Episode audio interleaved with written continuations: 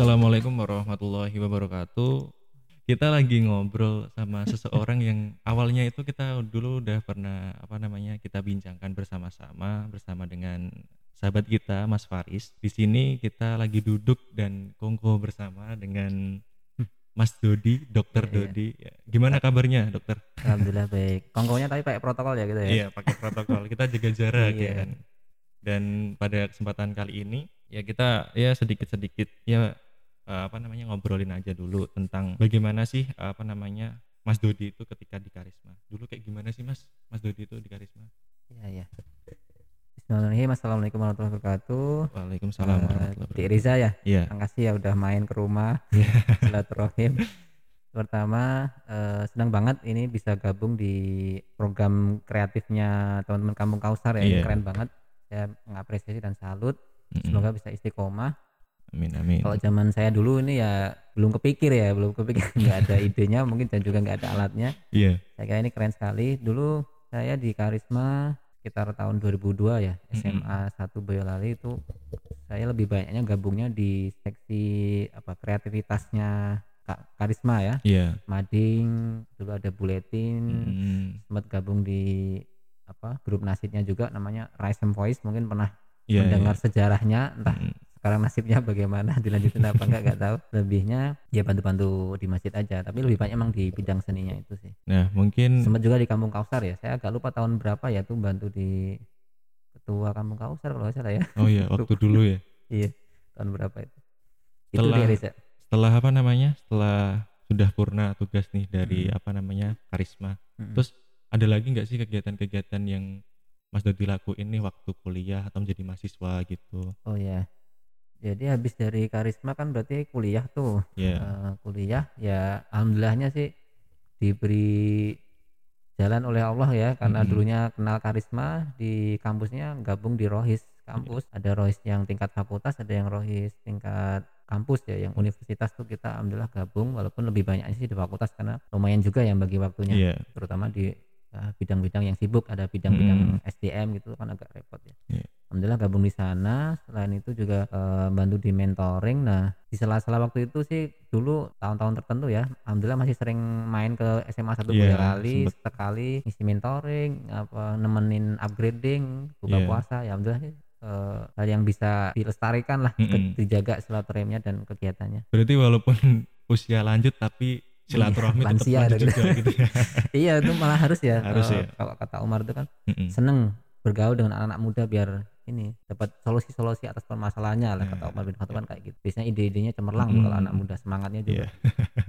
Terus nih kita ya di bulan Ramadan ini yang Iya. penuh berkah alhamdulillah sekali kita sudah ya beranjak lah mau ya kayak perpisahan lah ya. Mm, mm. udah bener-bener ya nggak kerasa ini bulan-bulan Hmm. Ramadan ini dan ya kita sudah berada di penghujung bulan Ramadan yang Ini di mana Ramadan keberapa ini ya? kedua Dua- malam 27 ini nanti. nanti malam 27 ya. 27. Mm. ya ada nggak sih dari Mas Dodi itu memberikan sedikit apa petuahnya gitu teman-teman petuah dong. ya Ya, Ya, kita kayak- sharing aja ya kita sharing masalah amalan-amalan apa sih yang Iya, iya. harus kita lakukan di 10 terakhir di bulan Ramadan Ya, ya, ini ngobrol aja ya. Jadi eh, Hmm.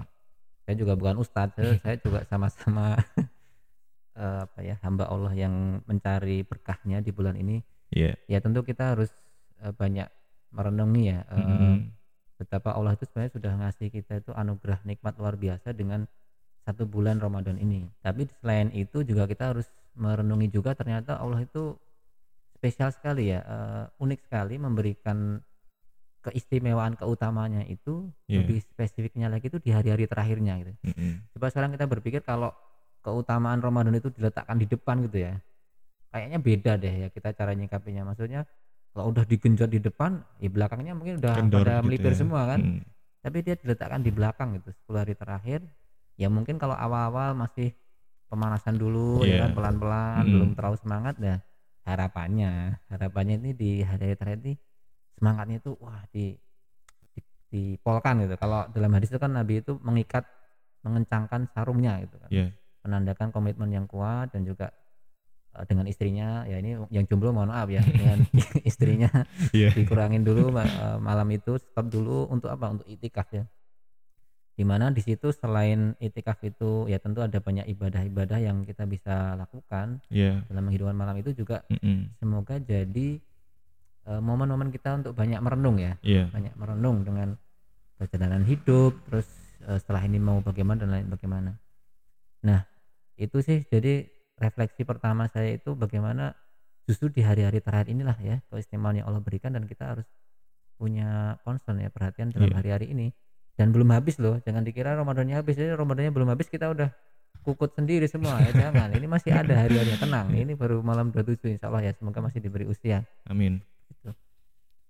Nah terus untuk kayak gini mas, misal ada kasus nih kayak kayak aku ya, Hmm. contoh aku, aku tuh punya target nih bulan Ramadan mau nyelesain empat kali khatam. waduh mantap Tapi nih Tapi karena kesibukan kuliah, karena Hmm. kesibukan kerjaan, jadi nggak bisa mencapai target itu Iya kayak iya. gimana? Nah nah betul betul ini memang berjalan tanpa target tuh bahaya juga. Iya. Tapi kalau terjebak pada target juga menurut saya juga bahaya juga.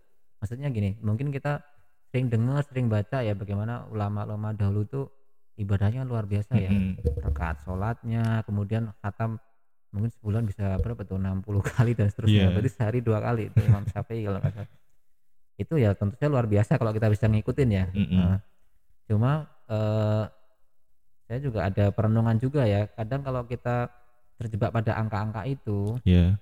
gimana sih ibadah kita ya maksudnya Mm-mm. itu kan ibadah kita kepada Allah tuh jangan-jangan kita itu terjebak pada ingin mencapai target-target pribadi semata gitu oh dua kali tiga kali empat kali kejar terus mungkin juga bacaannya jadi ngaco gitu kan Iya. nggak lihat rambu-rambu gitu terus mungkin juga eh, maknanya tidak kita hayati ya kayak kayak gitu mungkin perlu ya kita renungkan lagi ya Iya. bahwa mencapai angka-angka target itu tentu sangat baik Mm-mm. tapi bahwa ibadah yang eh, ihsan yang baik yang bagus itu juga tidak tidak kalah penting dan jangan lupa Dek Reza eh, ada doa yang sering kita ini ya yang kita ucapkan kalau kita sudah selesai Ramadan itu kan taqabbalallahu minna wa minkum ya taqabbal ya karim jadi intinya doanya adalah agar bagaimana ibadah itu semua itu diterima Iya. coba kita bayangkan sudah ngaji capek-capek haus berdiri tapi nggak diterima ya kan bahaya tuh Iya. syarat dari ibadah itu kan selain ikhlas ya artinya ridho Allah juga benar mengikuti tuntunan Nabi Iya. Jadi selain ibadah yang banyak itu Mm-mm. tidak kalah penting itu mempertimbangkan memikirkan apakah ibadah ibadah kita itu diterima Iya.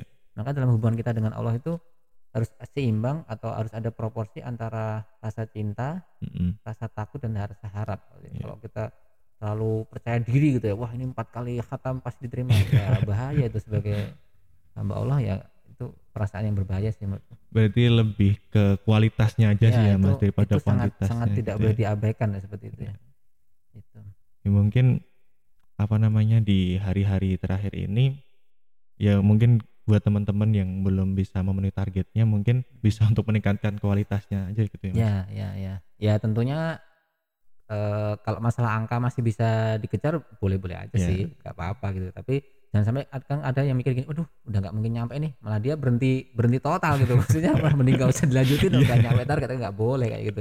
Tetap jalan terus yang yang itulah eh, semampu dan seadanya waktu yang kita punya terus aja ibadah gitu Hmm.